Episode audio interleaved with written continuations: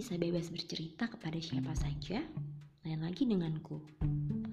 Hobi penyendiri, berdiam di kamar sendirian, membaca buku, dan makan makanan manis.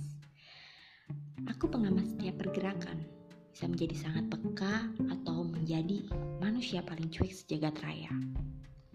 Yang pasti, aku adalah pecinta ulung, pecinta alam semesta dan seisinya, mencintai keindahan, kebaikan, dan keburukan secara bersama karena mereka beriringan. Yang pasti, mencintaimu juga.